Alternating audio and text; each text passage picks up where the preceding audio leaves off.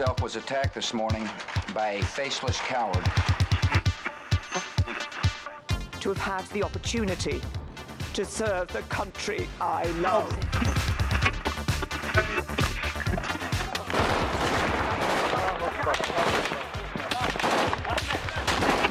Den Einsatz für Frieden und Freiheit in Deutschland, in Europa und in der Welt.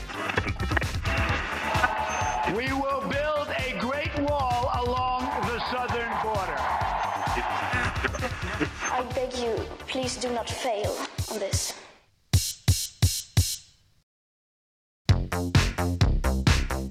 Komið sælir, hlustendur góðir, þið eruð að hlusta á fjórða þátt vikulega fréttaskýringa þáttarins heimskviður. Í heimskviðum segjum við tíðindi og sögur utan úr heimi.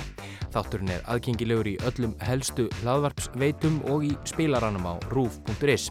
Þar sem einnig má finna ítarlegar fréttaskýringar með öllu efni þáttarins. Ég heiti Guðmundur Björn Þorbjörnsson, heimskviður heilsa, förstu daginn 7. september 2019.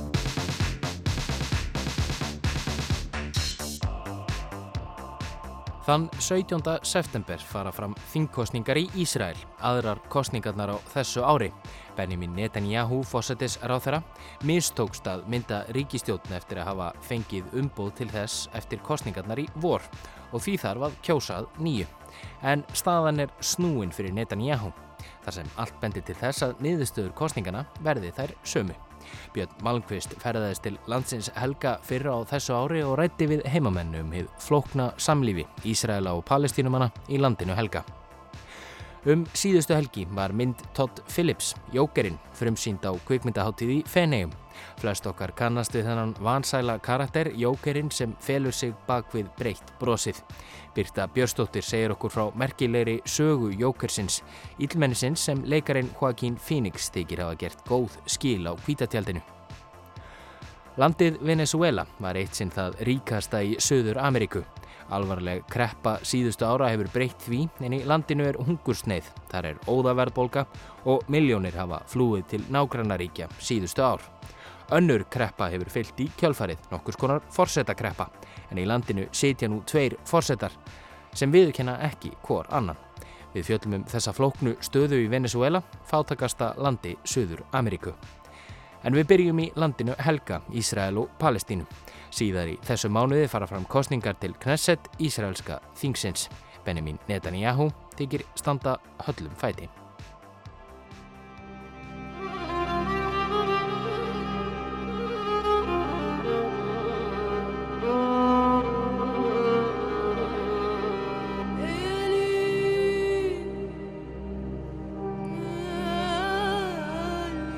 Það er erfitt að gera sér í hugarlund hvar á jörðinni pólitíkin sé flóknari en fyrir botni miðjarahafs í landinu Helga. Landinu Helga sem nefnist í daglegu tali Ísrael en þar er líka Palestína og þessi tvö lönd skarast sem er þó eftir vil ekki rétta orðið í þessu samhengi. Landnema byggðir Ísraela hafa á síðustu áratugum tekt sig inn í Palestínu, svolítið eins og kaffislettur á kvítri undirskál eða svisneskur ostur. Það er því ekki pólitíst flækjustig þessara landa sem gerir pólitískan veruleika þessa landsvæðis margslungin, heldur ástæður sem eru okkur að flestu kunnar, þau ára, tuga, löngu átök sem hafa enkjent samlífi þessara tvekja ólíku þjóða og sendt þúsundur í gröfina.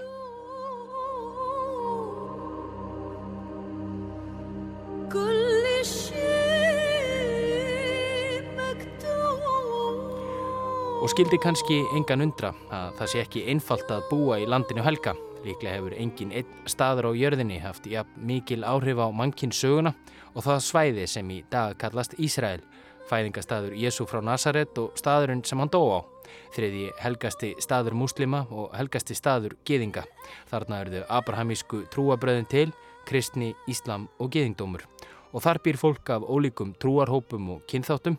Já, skildi engan undra að þar hittni í kólunum. Við komum nánar að samlífi Ísraela og palestínumanna síðar í þessum pistli. Það er vist pólitíkin sem er til umræðu hér og það er pólitíkin í Ísrael sem vekur aðtegli heimskviðna þessa vikuna. Nokkuð sérstök staða er komin upp í Ísraelskum stjórnmálum. Kostningar eru í vandum í september þegar kosið verður til Knesset Ísraelska þingsins í 20. og annað sinn frá stopnun Ísraels ríkis. 120 þingsæti eru í bóði. Og hvað með það, kynni einhver að spyrja? Jú, það væri kannski ekki frásögur færandi ef ekki væri fyrir þá staðrind að síðast var kosið til þings í april á þessu ári. Hvað er eiginlega gangi? Já, það er búin á spyrjir. Sko, uh, þetta er svolítið flókið. Segir Björn Malmqvist, frettamæður. Björn var á ferðinni á vegum frettastofunar í landinu Helga í mæja á þessu ári aðeins nokkrum vikum eftir kostningarnar í april. Kostningarnar skiliðu nákvæmlega ekki neinu og því þarf nú að kjósa aftur, ekki satt Björn. Benjamin Netanyahu sem hefur verið fórsættisáþra síðan 2009, hann og flokkur hans Líkut, fekk, uh, þeir fengu mesta fylgi í kostningunum í april þannig að Netanyahu fekk umbóð til að mynda stjórn og það byggust flesti við því að það myndi takast. Hæri flokkurinn Líkut hefur átt góðu gengi að fagna í Ísraelskum stjórnmálum allt frá stopnun hans 1973. Netanyahu, núverandi fórsættisráþara, hefur fjórum sinnum setið á fórsættisráþara stóli sem formaður Líkut flokksins en hann tók við formans embætti árið 2000 2005 í kjölfar veikinda Ariels Sjarons þáverandi fósettisráðara. Eitt af flagskipum líkútflokksins er hörð þjóðaröryggis stefna og andstaða við stopnun sjálfstæðis ríkis Palestínu. En eins og Björn segir fekk líkútflokkurinn mest fylgi í kostningunum í april, rúmlega 26% alls 35 þingsæti, en eftirleikurinn, sjálf stjórnar mynduninn, hefur einst Netanyahu erfið. Sko, stjórnarmyndunum verður eru allavega frekar floknar í Ísrael, það eru, eru venilega mjög margir flokka sem hann á fulltrúum á, á Knesset, það er sér þingið, og sömur þeirra eru mjög litlir, þannig að það verður alltaf frekar mikið púsluspil, sem að tala ekki um að í hægri stjórnum eins og Netanyahu hefur sett saman síðan 2009, þá hafa litlir flokkar til hægri eiginlega haft meiri áhrif en stærðir að gefur til kynna.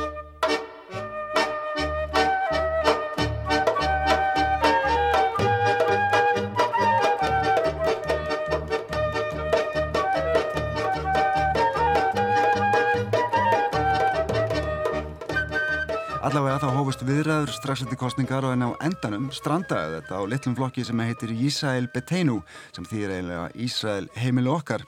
Leittói þess flokks Avigdor Liebermann, hann setti fram skilirði í þessum viðræðum að stjórnin myndi leggja fram lagafrumvarp um að strámtrúaði geðingar þyrstu að gegna herskildu rétt eins og allir aðrir ungir Ísraelar.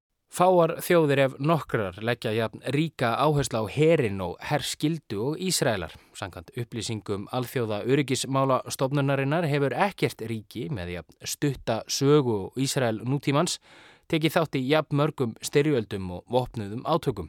Herin þar í landi sem heimamenn kalla Tzahal er nokkuð sérstakur fyrir þær sakir að herskildan er jafn til karla og kvenna. Fyrir utan fáeinar undantækningar hafa því nær allir fullornir Ísraelar hlotið herþjálfun. Í landinu búa einungis rétt rúmlega 9 miljónir en yfir 3 miljónir á aldrinum 17 til 49 ára hafa hlotið herþjálfun bæði karlar og konur. Herin er því ein af grundvallar stóðum Ísraelsks samfélags og málefni hans varða samfélagið allt, ekki álíkt veðurstofinni hér á landi. Talið er án þess að hægt sé að fullirða nokkuðum slíkt með vissu að Ísraelski herin búi yfir kjarnavopnum og hafi gert allt frá árinu 1967 og fjöldi kjarnavopna þeirra sé á bilinu 80 til 400. En ákveðnir hópar eru undanþegnir herskildu, þar að meðal strángtrúaði geðingar eða haridím og því er Avitur Líbermann mótfallin. Þið þekki þá slöngulokkunum og svörtu höttunum. Rúmlega 11% Ísraela eru Haredim eða rúmlega 1 miljón. Bakneset abba navir et hokk ónes að mavet le mikhablim. Adaz dagnu le slólmem et að skúta múfrekhet. Hér heyrum við í Líbermann. Hér er hann þó ekki að tala um Haredim gýðinga í þessari tilteknu kostninga áróðursræðu. Heldur heita því að dauðarefsingum verði beitt á hriðiverkamenn komist flokkur hans til valda. Hann er sem sagt, með öðrum orðum, harðalínu stjórnmálamadur. Líbermann hefur lagt fram lagafrumvarp í Ísraelska þinginu þess efnis að Haredim gýðingar þurfi að gegna herskildu eins og aðrir þegnar landsins. Frá þessu hefur hann ekki viljað víkja og þá kom ekki til greina að flokkur hans hjálpi til við ríkistjórnamyndun án þess að þessu sé breytt. Ég er ekki viss um hvað Netanyahu fannst sjálfum um þetta en aðrir litlir flokka sem hann var í viðræðin við voru alfarið á mótið þessu. Svo rann út fresturinn sem að Netanyahu fekk til að mynda stjórn og í stað þess að láta öðrum eftir að myndastjórn, þá fekk hann sinn flokk og aðra á þinginu til að stiðja tilögu um að leysa þingið upp og kjósa aftur og það verið gert 17. september. Málið strandaði sem sagt á herskildinni, gott og vel. En svo er það Netanyahu sjálfur. Hann er í bölvuðum vandræðum um þessar myndir. Jú, sko, hann hefur verið sagað um spillingu og verður líklega ákjærður fyrir þrjú slík mál síðar á þessu ári. Netanyahu og líkutflokkurinn voru reyndar búin að leggja fram lagafrumar sem veitir þingmönum og ráþarum fríðhelgi, þar að segja skjól gegn ákjærum og Netanyahu var líka að leggja drauna því að draga úr valdi hæstarettar Ísraels til að dæma lög ógild ef þau gangi í gegn stjórnarskrá landsins. Þessi plönur auðvitað komin á hilluna núna og allsendis óvist hvernig þessar kostningar fara í september. Þannig að Netanyahu sem hefur verið fósættisáþræði síðan 2009, hann gæti einhver tíman, kannski á næsta ári, dúkað upp í dómsal sem sagbortningur.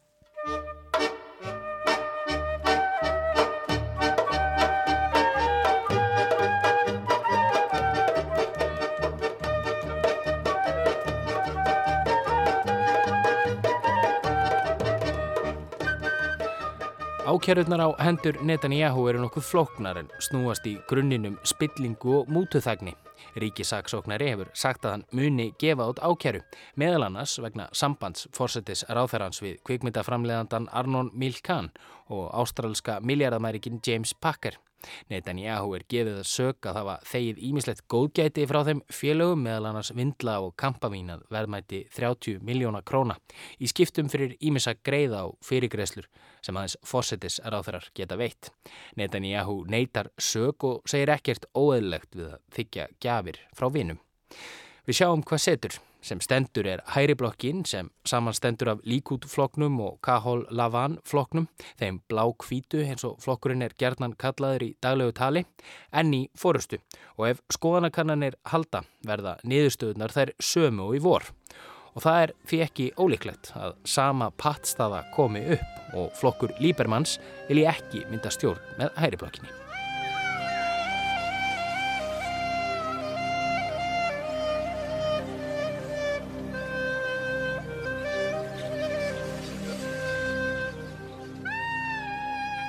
En sem fyrr segir er lífið í landinu helga flókið fyrir margra hluta sakir ekki aðeins vegna þess að allt er í núti í Ísraelskum stjórnmálum. Erfiðar stjórnar, myndunar, viðræður og endurtegnar kostningar eru kannski minsta áhugjöfnið. Í heimsóksinni til Ísraels og Palestínu kynntist Björn Malmqvist þessu af eigin raun. Maður getur lesið sko endalösta bókum og greinum um þessar deilur fyrir botniði meðurhafs en til þess að botna í þeim tilfinningum og skoðunum sem liggja til grundvallar þá þarf maður eiginlega að keira í gegnum þessar eftirlitstöðar á vestubakkanum þar sem að varturnar og háir múrar svo, svolítið drottna yfir landslæginum og þar sem að lítil börn og gamlar konur ganga melli kirstaðara byðræða til að byðjum ölmusu. Eða þá að ganga um miðborg Hebrón á vestupakkanum og verða vittni að mjög römmum deilum millir þeirra sem telja að strangtrúaði giðingar hafi fullan rétt til að búa í örsmáum samfélögum þar.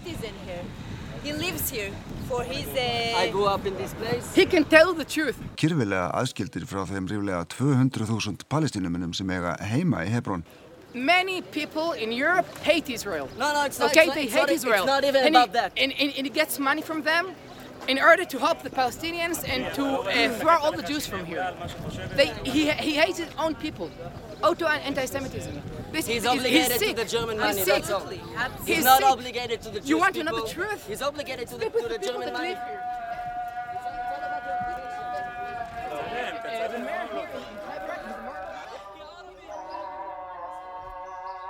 Það er líka upplýsandi að standa í miðjum flottamannabúðum nálat Ramallah á vestubakkanum og hlusta á bænasöngin úr moskunni.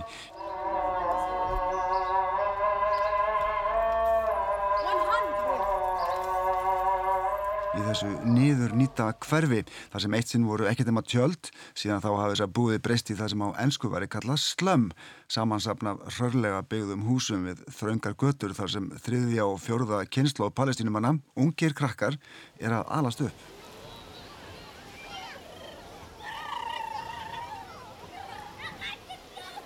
Og fara svo daginn eftir til Tel Aviv og bregða sér á ströndina þar sem börn á sama aldri leika sér áhyggjulegs í flæðamálinu og þúsundir strandgjasta busla í sjónum eða liggja og sóla sig í sandinum rétt hjá miðborginni.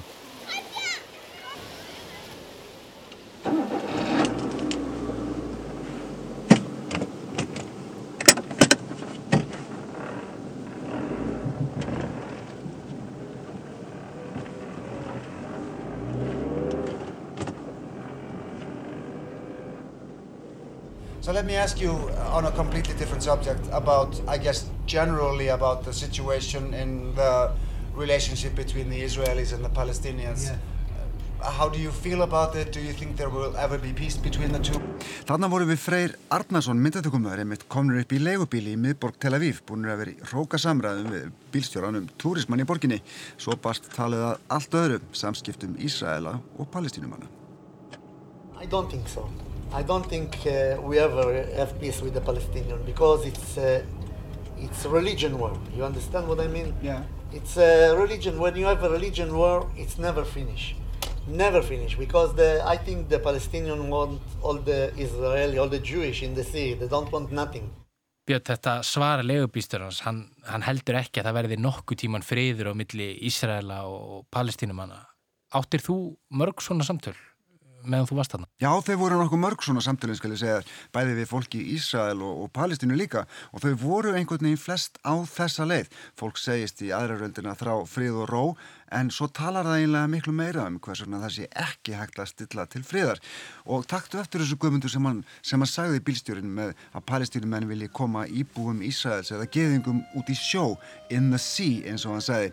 Hann er auðvitað að tala um sko meðrarhafið sem var hérna hinum með við göttuna það sem vorum að keira í miðborg Tel Aviv og þetta er kannski einföld setning þegar maður heyrir hana svona í miður samtali en ég held hún segi hins vegar hansi mikið um hvernig íbúar í Ísrael líta á stöðu sína bara út frá landafræðinni.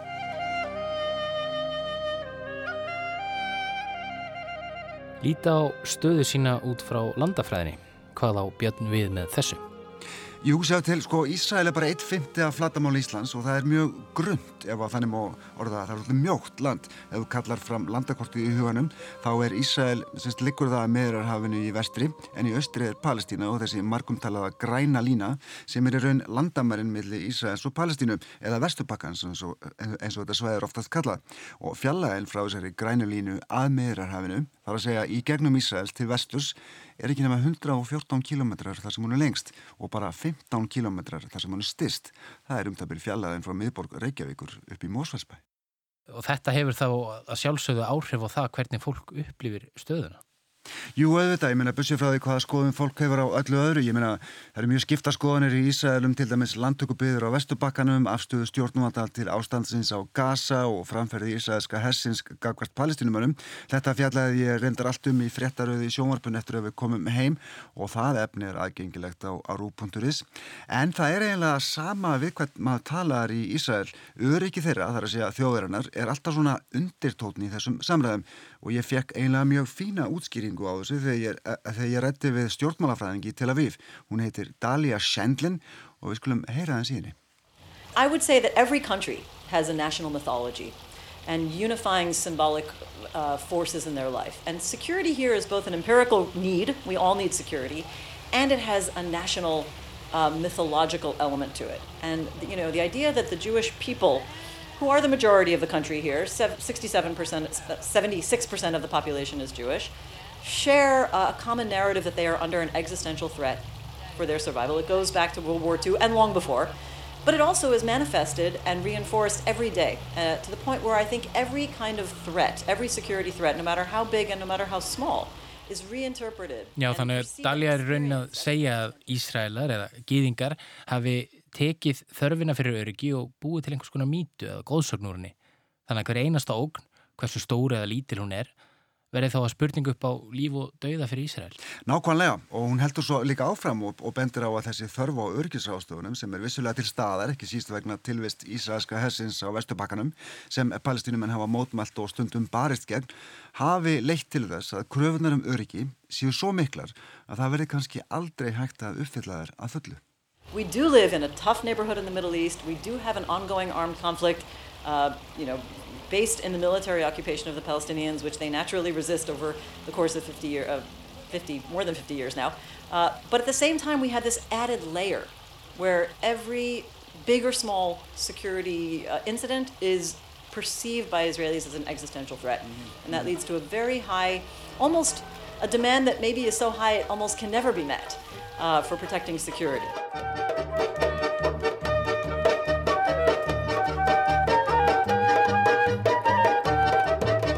Við komumst ekki lengra með málefni Ísraels og Palestínu að þessu sinni. Ljóst er að friður millir landana tveggja er ekki í sjónmáli. Þingkostningarnar í Ísrael fara fram sem fyrir segir þann 17. september og það verður forvitnilegt að fylgjast með því hvort Netanyahu næri kjölfar þeirra að mynda ríkistjón fari svo að skoðanakannar gangi eftir.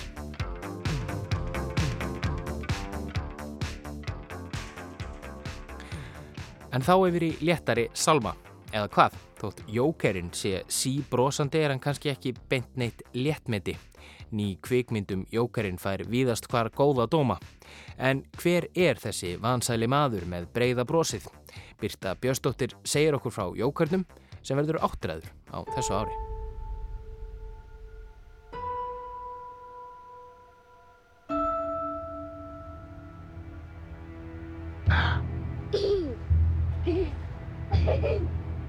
Uppgjafa grínistinn Arthur Fleck vafrar um stræti Gothamborgar íklætur trúðabúningi þegar hópur manna ræðst af honum.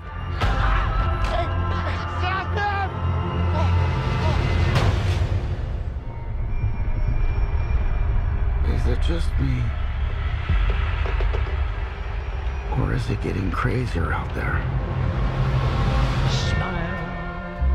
Útskúfaður af samfélaginu glýmir flekk við hugarvíl sem verður þess valdandi að hann langar að valda öðrum skada, sem hliðar sjálf sitt Jókerinn.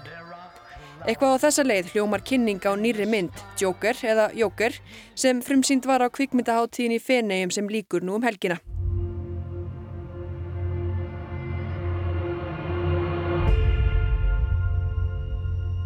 Þar leikur Joaquin Phoenix Jókerinn og hefur verið dágóður rómur gerður að framistöðu hans. Reyndar hafa gaggrinendur sömu leiðis hlaðið Hildi Guðnadóttur lofi fyrir tónlistina sem hún samti fyrir myndina. En þó að við fyllumst sannlega stolti yfir góðu gengi landa okkar er það ekki umfyllunar okkar efni á þessu sinni. Við ætlum að fjalla um Jókerinn, vansæla mannin með breyða brosið. Phoenix er nefnilega alls ekki fyrsti leikarin sem litar hárið á sig grænt, tókar munnvikin upp á við og bregður sér í hlutverk Jókersins. Reyndar er Jókerinn að nálgast áttrætt. Hann kom fyrst fram í myndasögublaði um Batman, leðublökumannin, í april árið 1940. Þá var einungis ár liði frá því að fyrsta Batman-blaði kom út, svo saga þeirra erki fjanda er þá samtvinnuðna er allt frá upphafi. Svo átti reyndar alls ekki að vera. Áform voru um að ráða niðurlögum illmennisinn strax í fyrstu sögunni. Þó skaparar Jókersins hafi kannski ekki spáð fyrir um áratuga langan fyrirlands á kvítatjaldinu setna meir, höfður allavega vita því að leifonum að lifa.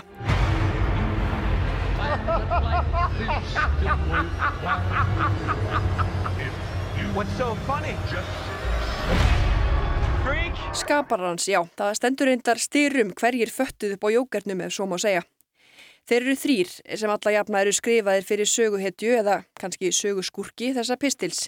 Þeir heita Bill Finger, Bob Kane og Jerry Robinson.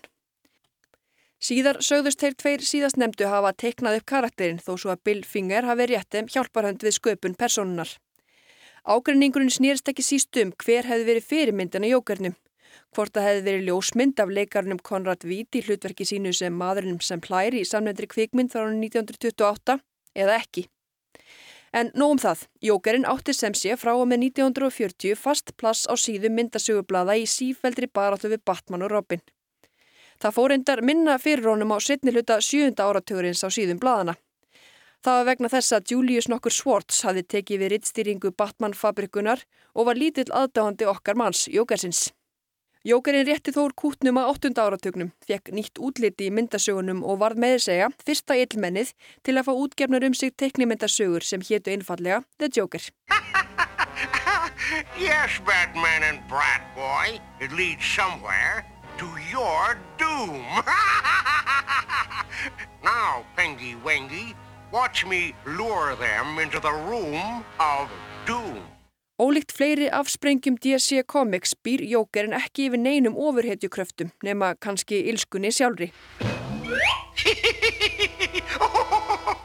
Thank you so much, gentlemen, for dropping in. Hans sérsviðru efnavopn og önnur eiturefni sem hann beitir jafnan í gegnum hluti sem fleiri tengja eflust við badnaamæli eða fjölleikahús eða aðra skemmtun eins og blöðrur, spil og blóm. Saga hans er breytileg eftir því hvað hann kemur fyrir. Þá hafa útskýringar á óhugnarlega breyðu brosi hans sömu leiðis verið ólíkar í gegnum tíðina. Algengasta ástæðin fyrir glottinu er svo að hann hafi í baráttu við Batman sokkið á bóla kafi tank af eitruðum úrgangi sem hafi litað háransgrænt, húð hans snjaka kvíta og gert brosið breyðar en á nýkrindri feguradrottningu. Það hefur gengið á ýmsu í lífi Jókersins og hann meðal annars tekið þátt í pólitískri refskák í allavega á síðum myndasögurbladana. Það var meðal annars í myndasögunum Batman Death in the Family eða Döðsfall í fjölskyldunni. Ekki nómið að sá titil gefi býstna mikið upp um söguþráðin þá er forsíða sögunar mynd af liðublökumannum sem heldur á látnum félagar sínum Robin. Svo það er líklega ekki mikil uppljósturinn að segja hér að Robin deyri þessari sögu og það var Jókarinn sem drapan. Það voru skipta skoðunir á því hvort sagan ætti að enda á þann veginn og aðdáðundu sagnana fengu að greiða atkvæði í símakostningu um hver örlög Robins ættu að vera. Og þeir leifðu jókernum að gangaða Robin döðum. En já, allavega að pólitíkinni í sögunni því hundeltur af yfirvöldum er jókerinn í miklum vandraðum. En þá blandar ríkistjórn Írans sér í málið með Ayatollah Khomeini, aðstaklerk Írans þar í brotti fylkingar. Það er að fjókona að. یکی این که گمان نکند دو ملت ما که دولت ایران و ارتش ایران عاجز از این است که جواب به اینها بدهد. هر وقتی که مقتضی بشد من پیامی به ملت خواهم داد و به صدام حسین و امثال او Mikil spenna ríkti milli bandaríkjana og Írans í raunheimum og því dúkkaði Khomeini upp á síðu myndasögunar sem sérlegur vendari illmennisins Jókersins. Khomeini hyggst þar gera Jókerinn að fulltrúa Írans hjá saminuðu þjóðunum og Jókerinn hyggst halda tölu á allseraþingi saminuðu þjóðuna. Þeir Batman og Superman reynað að gera allt sem í þeirra valdi stendur til að koma í veg fyrir ræðuhöldin. Nei, sagan er ekki byggð á sönnum atbyrðum.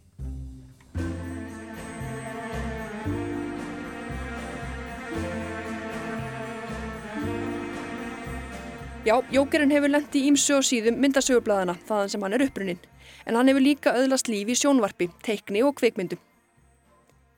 Teiknimyndaferill hans hófst árið 1966 í þáttum helguðum erki óvinnum Batman.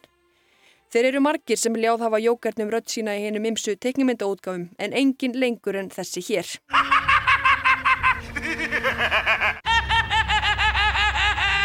One of the things that informs the Joker is his laugh. And I remember reading the comic books, it was ha ha ha ha ha ha, but lots of ho ho hee hee ho ho hee. Hláturinn þekkjum við kannski og ef ykkur finnst röddinn kunnuleg er það vegna þess að þetta er leikarin Mark Hamill sem þekktastur er fyrir að leika Luke Skywalker í stjórnustríðsmyndunum. Þarna segir hann okkur frá hlátri Jókersins. Á kvítatjaldinu sást Jókerinn fyrst í meðförum Césars Romero í leiknum sjónvastáttum um Batman og félaga.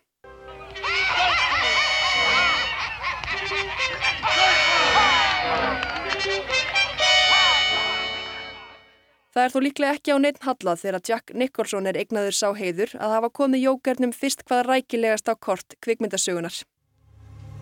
Jack. Jack is dead, my friend. You can call me Joker. And as you can see, I'm a lot happier. Í Batman, kvikmynd Tim Burton frá ánni 1989, hófst ferill Jókersins í kvikmyndasögunni fyrir alvöru. Sögu sem enn sér ekki fyrir endan á. Nicholson var tillendu til Golden Globe og BAFTA-veluna fyrir hlutverk sitt í Batman á 1990. Þeir voru þó fleiri sem áttu eftir að spreita sig á hlutverkinu og við góðan orðstýr. Joaquín Phoenix sem leikur hann sem sagt í nýjustu myndinni fær sem fyrr segir góða dóma fyrir framistöðu sína í hlutverkinu. Sumir telja hann eiga óskastilefningu vísa fyrir hlutverkið.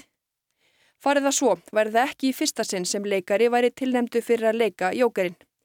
Því árið 2009 gerðist þetta. And the Oscar goes to Heath Ledger in The Dark Knight. Heath Ledger fekk Óskarsvelunin fyrir hlutverk sitt sem Jókerinn í kvikmyndinu The Dark Knight. Hann tók ekki á móti velunum sjálfur, það gerði fjölskyldan hans, vegna þess að Ledger lést árið áður af ofnæslu Livja, aðeins 28 ára gamall. Þegar að Ledger lést á Jack Nicholson að hafa sagt, ég varaðan við, viðvörun sem tengdist hlutverkinu sem þeir hefðu báði leikið, Jókernum. Þá er ótalinn Jared Leto sem leik Jókerinn í myndinni Suicide Squad var árnu 2016. Hann er sá eini þeirra áður nefndu sem hefur fengið félagskap heitkonu sinnar á kvítatjaldinu.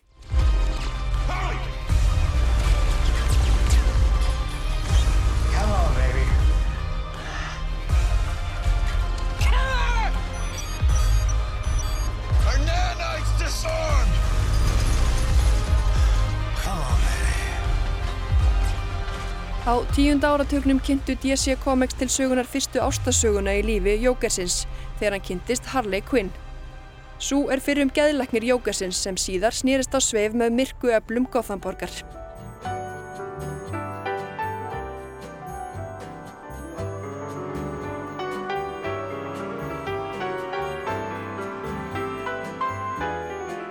Jókerinn er vinsæll, þekktur og hefur festi í sessi í myndasögu og kvikmyndasögunni. Wizard tímaritið valdi hann mesta illmenni kvikmyndasögunar, hvorki meirinni minna, og kvikmyndatímaritið Empire setti Jókerinn í áttunda sæti yfir 50 bestu myndasögupersonur allar tíma. Hann var auk þess það illmenni úr myndasögunum sem náði efsta sæti á listanum. Samband Batmans og Jókersins er rauður þráður í lífi þess síðanemda. Jókerinn er meðan á heilanum, held tekin að hlutverki sínu sem hans erki óvinnur og á sífælt harma að hefna vegna þess að hann fjall í sírukýri hér forðum daga. Who's gonna defuse the bomb? It's gotta be one or the other, Batman.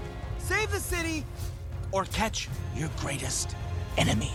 You can't do both. I'm sorry, what did you just say? You can't do both, I said. No, I mean the other thing. Save the city or catch your greatest enemy. You think you're my greatest enemy? Yes! You're obsessed with me! No, I'm not. Yes, you are. No, I'm not. Yes, you are! Þetta hádramatíska atriði úr Lego Batman Movie, því að sjálfsögðu er Jókerinn líka til í Lego, rammar þetta ágætla inn. Átök millir leðurblöku og trúðs eiga sér enga sögu og fáar skýrskotanir. Engu að síður eru þeir hinnar fullkomnu andstæður, Jókerinn, litrikur, gladlindur trúður, Batman þungbúin alvarlegur og svartklættur. Jókerinn, siðblindur satisti og hrotti, Batman rittari réttlætisins og hjálpar hella heillar borgar. En Batman er fjarrir góðu gamni í myndinni nýju. Hún heitir einfallega Jóker og er um Jókerinn. Smile, though your heart is aching. Ætli það sé kannski aðtiklinn sem Jókerinn þráði alla tíð. Aðtiklinn sem fær hann til að brosa út að eyru. When there are clouds in the sky, you'll get by.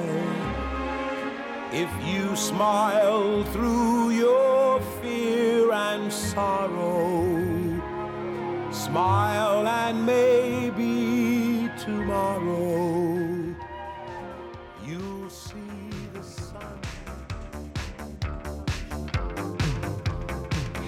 Í Venezuela, sem eitt sinn var ríkasta land í Suður Ameríku, eru tvennskonar kreppur. Annars vegar alvarleg fjármálakrísa sem hefur valdið mikilli fátækt, hungusneið og fólksflutningum síðustu árin og má reykja aftur til stjórnartíðar Hugo Chávez sem fjall frá 2013. Hins vegar er það stjórnarkrísa, eða kannski frekar fósettakrísa. Landið hefur nefnilega ekki einn fósetta, heldur tvo og sjálfsögðu eru þessar tvær krísur nátengt.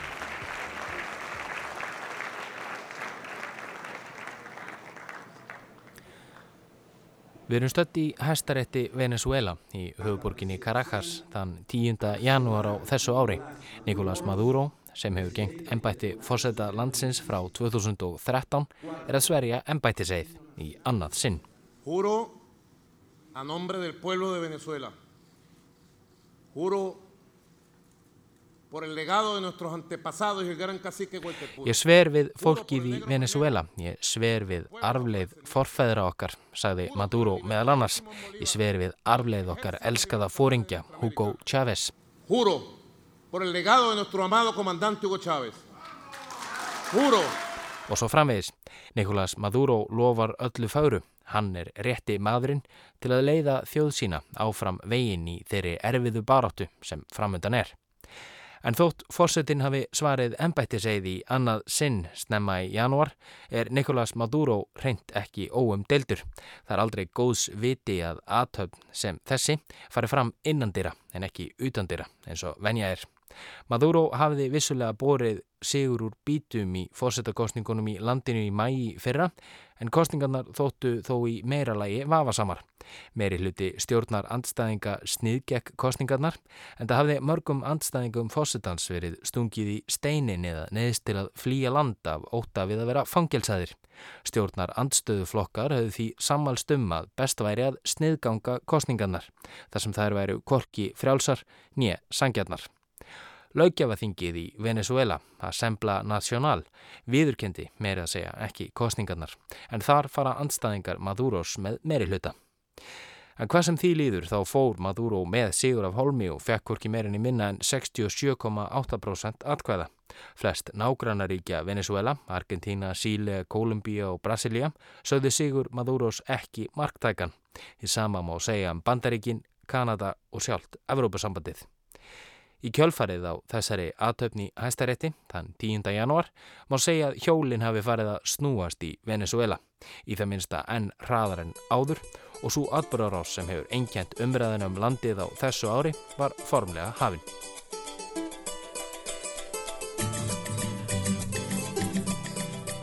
Aðeins fá ennum mínútum eftir að Maduro sór eigðin gaf fastanemnd samtaka Ameríkuríkja, alþjóðasamtaka 35 Ameríkuríkja, það út að bóða eftir til nýra kostninga í landinu. Maduro hefði ekki endur nýjað umbóð sitt á líðræðislegan hátt. Laugjafaþingið í Venezuela var á sama máli, en nýkjörinn fósetti þess var hinn 35 ára gamli Juan Guaidó, leðtogi Voluntad Popular, flokks framsækina sósjaldemokrata og þann 23. janúar, reynungis 13 dögum eftir að Maduro var settur í ennbætti, lísti Guaidó því yfir að hann væri réttmætur fórseti Venezuela. Hvernig? Jú, auðvitað með því að sverja eið, eins og menn gera. Húru!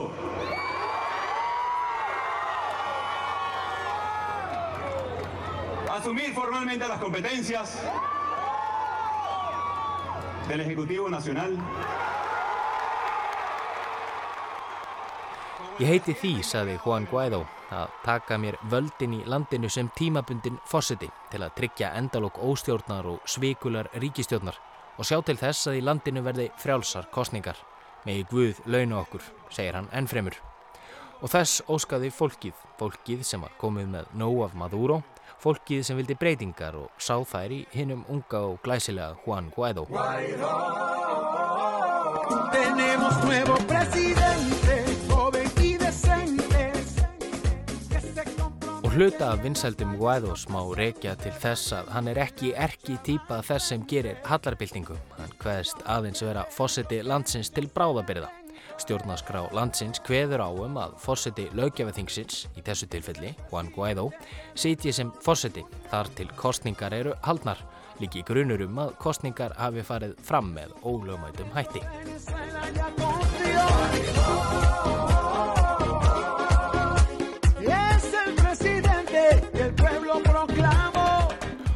Viðbröð alþjóða samfélagsins letu ekki á sér standa eftir að Guaidó sór eigðin. Sources are telling my colleague Jeremy Diamond and I that President Trump is expected to announce that Juan Guaido, the head of the National Assembly in Venezuela, is the legitimate president of that country.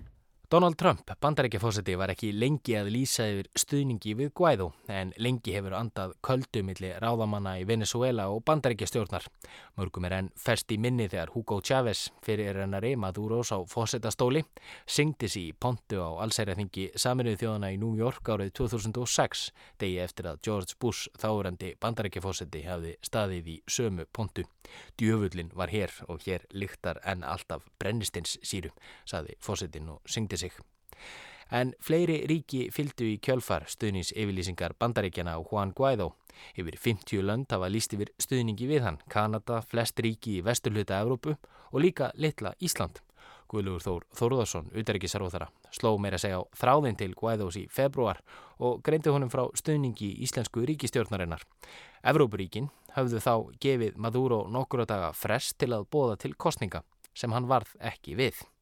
Við grípum inn í sjómasvettir þann 4. februar síðastliðin þar sem utaríkisar á þeirra útskýrir ákvörðun sína. Evrópuríkin gáfu uh, Maduro frest fram, á, fram í gær að mm -hmm. lýsi yfir því að það er halda nýjar kostningar Hann varð ekki við því. Þannig að við erum á samt Norðurlöndunum og, og flestum þeim þjóðum sem að við standa okkur næst að uh, lýsi við stuðningi við, við Guaidó þangað til að nýjar kostningar verða. En Maduro og hans fólk eru ekki eiland. Rússar og kínverjar hafa staðið með Maduro og viðurkenna Guaidó ekki sem fórseta, líkt og fjöldi annara þjóða. Innan alþjóða samfélagsins eru nefnilega skiptar skoðanir á því að lýsa yfir stuðningi við fórseta sem gerir byltingu með þessum hætti gegn sitjandi fórseta sem vann kostningarnar með líðræðislegum hætti, að minnstakosti á papírnum. Í Venezuela er því flókin staða þar sem Maduro nýtur einni stuðnings í heimalandinu. Landið er tvískipt og þótt Guaidó njóti stuðnings hvaðanæfa aður heiminum er ekki þar með sagt að hann sé valdamikill heimafyrir en það er Maduro enn fórsiti og sem slíkur getur hann ákveðið að virðað vettu í þær ákvarðanir sem venezuelska löggefa þingið hvar Guaidó hefur setið sem fórsiti tekur. Maduro er einnig yfirmaður hersins. Hinga til hefur herin verið liðhóllur Maduro sem hefur launað hermunum og ráðamunum hóllustuna með vænlegum kaupækunum ásamt því að koma þeim fyrir í líkil stöðum í ríkisfyrirtækjum. Það vill oft verða svo að í deilum sem þessum er það sá sem veldur bissunni sem ræður.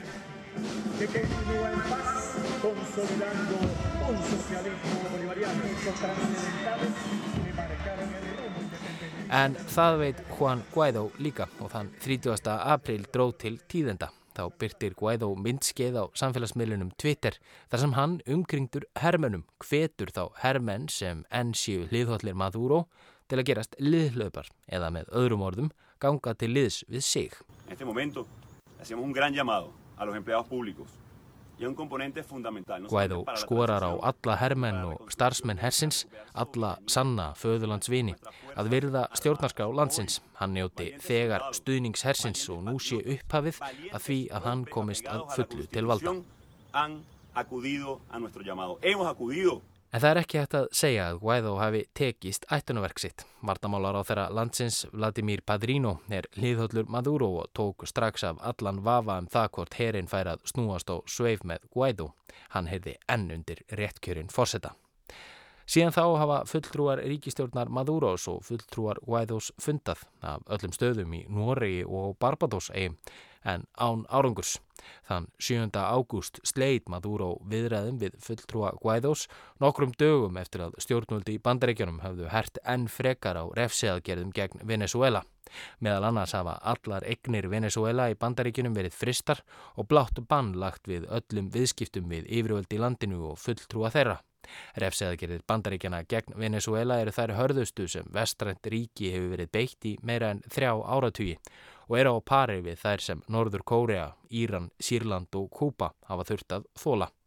Maduro lísti aðgerðum bandarækjastjórnar sem alvarlegum og grimmilegum yfirgangi Trumps fósetta og dróð sig því úr fyrirnemdum viðræðum með Guaidó og hans fólk. Bandaríkin hafi aldrei betur í þessari baráttu og Venezuela haldi áfram að berjast gegn því óreittlæti sem það sé beitt af hálfu alþjóðasamfélagsins, segir Maduro. Señor Donald Trump, señor John Bolton, no han podido ni podrán con nuestra patria. Bandaríkin muni aldrei bera sigur úr bítum gegn Venezuela. Korki Donald Trump, nýja John Bolton, þjóðar öryggis ráðgjafi, geti tekið landið úr höndum heimamanna. Cambia lo superficial, cambia también lo profundo, cambia el modo de pensar. En þá að hinni krísunni sem er jú aðal ástæðan fyrir því að í Venezuela eru tveir fósettar.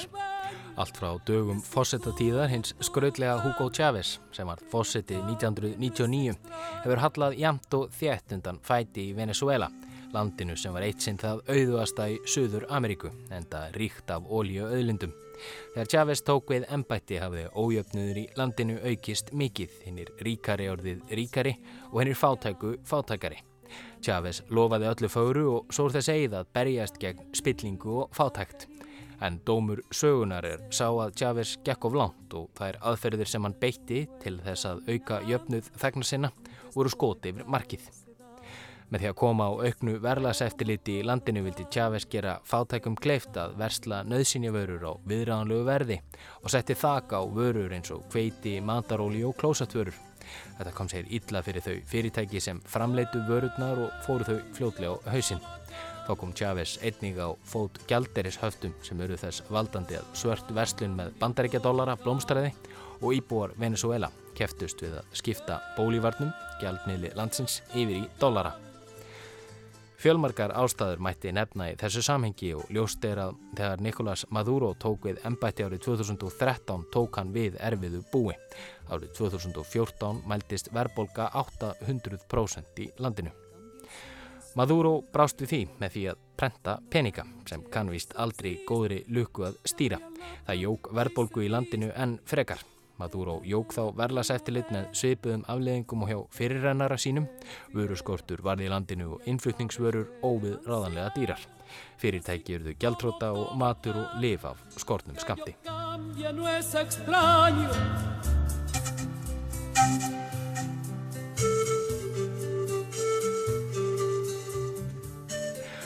Kreppan í Venezuela sem stundum er sögð hafa hafist í júni 2010 þegar Hugo Chávez lísti yfir efnahagslugu stríði í kjölfar vöruskortsins í landinu er langversta efnahagskreppan í sögu landsins og svo versta sem nokkurt ríki sem er ekki stríði hefur þurft að þóla síðan um miðja 20. öld.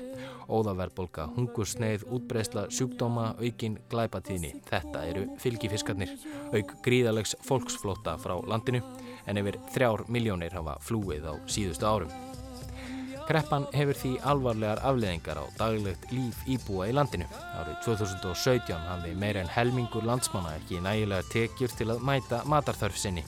Sannkvæmt skýslu saminuðu þjóðana frá því í mars eru 94% íbúa landsins undir fátakramörkum og 25% íbúa þykja einhvers konar mannúðurastóð. Nicolás Maduro lísti því yfir um miðjan ágúst að hann væri reyðubúin að hitta Guaidó og hans fólk á ný, setjast nýður og ræða málinn eins og fólk gerir þegar það er ósámála. Þær viðræður hafa þó ekki hafist en Juan Guaidó heldur stefnur sinni til streitu, það verður á kjósa og það á opin og gagsæjan hátt. Engin þörf sé á viðræðum ef Maduro og hans fólk vil ekki kostningar. Eitt er þó víst. Að á meðan ekki fæst niðurstaða í fórsetakrísun í Venezuela er borun vonað svo krísa sem hefur dreyið landsmenn til dauða, bandið hungursneið og fólksflóta frá landinu, muni lagast.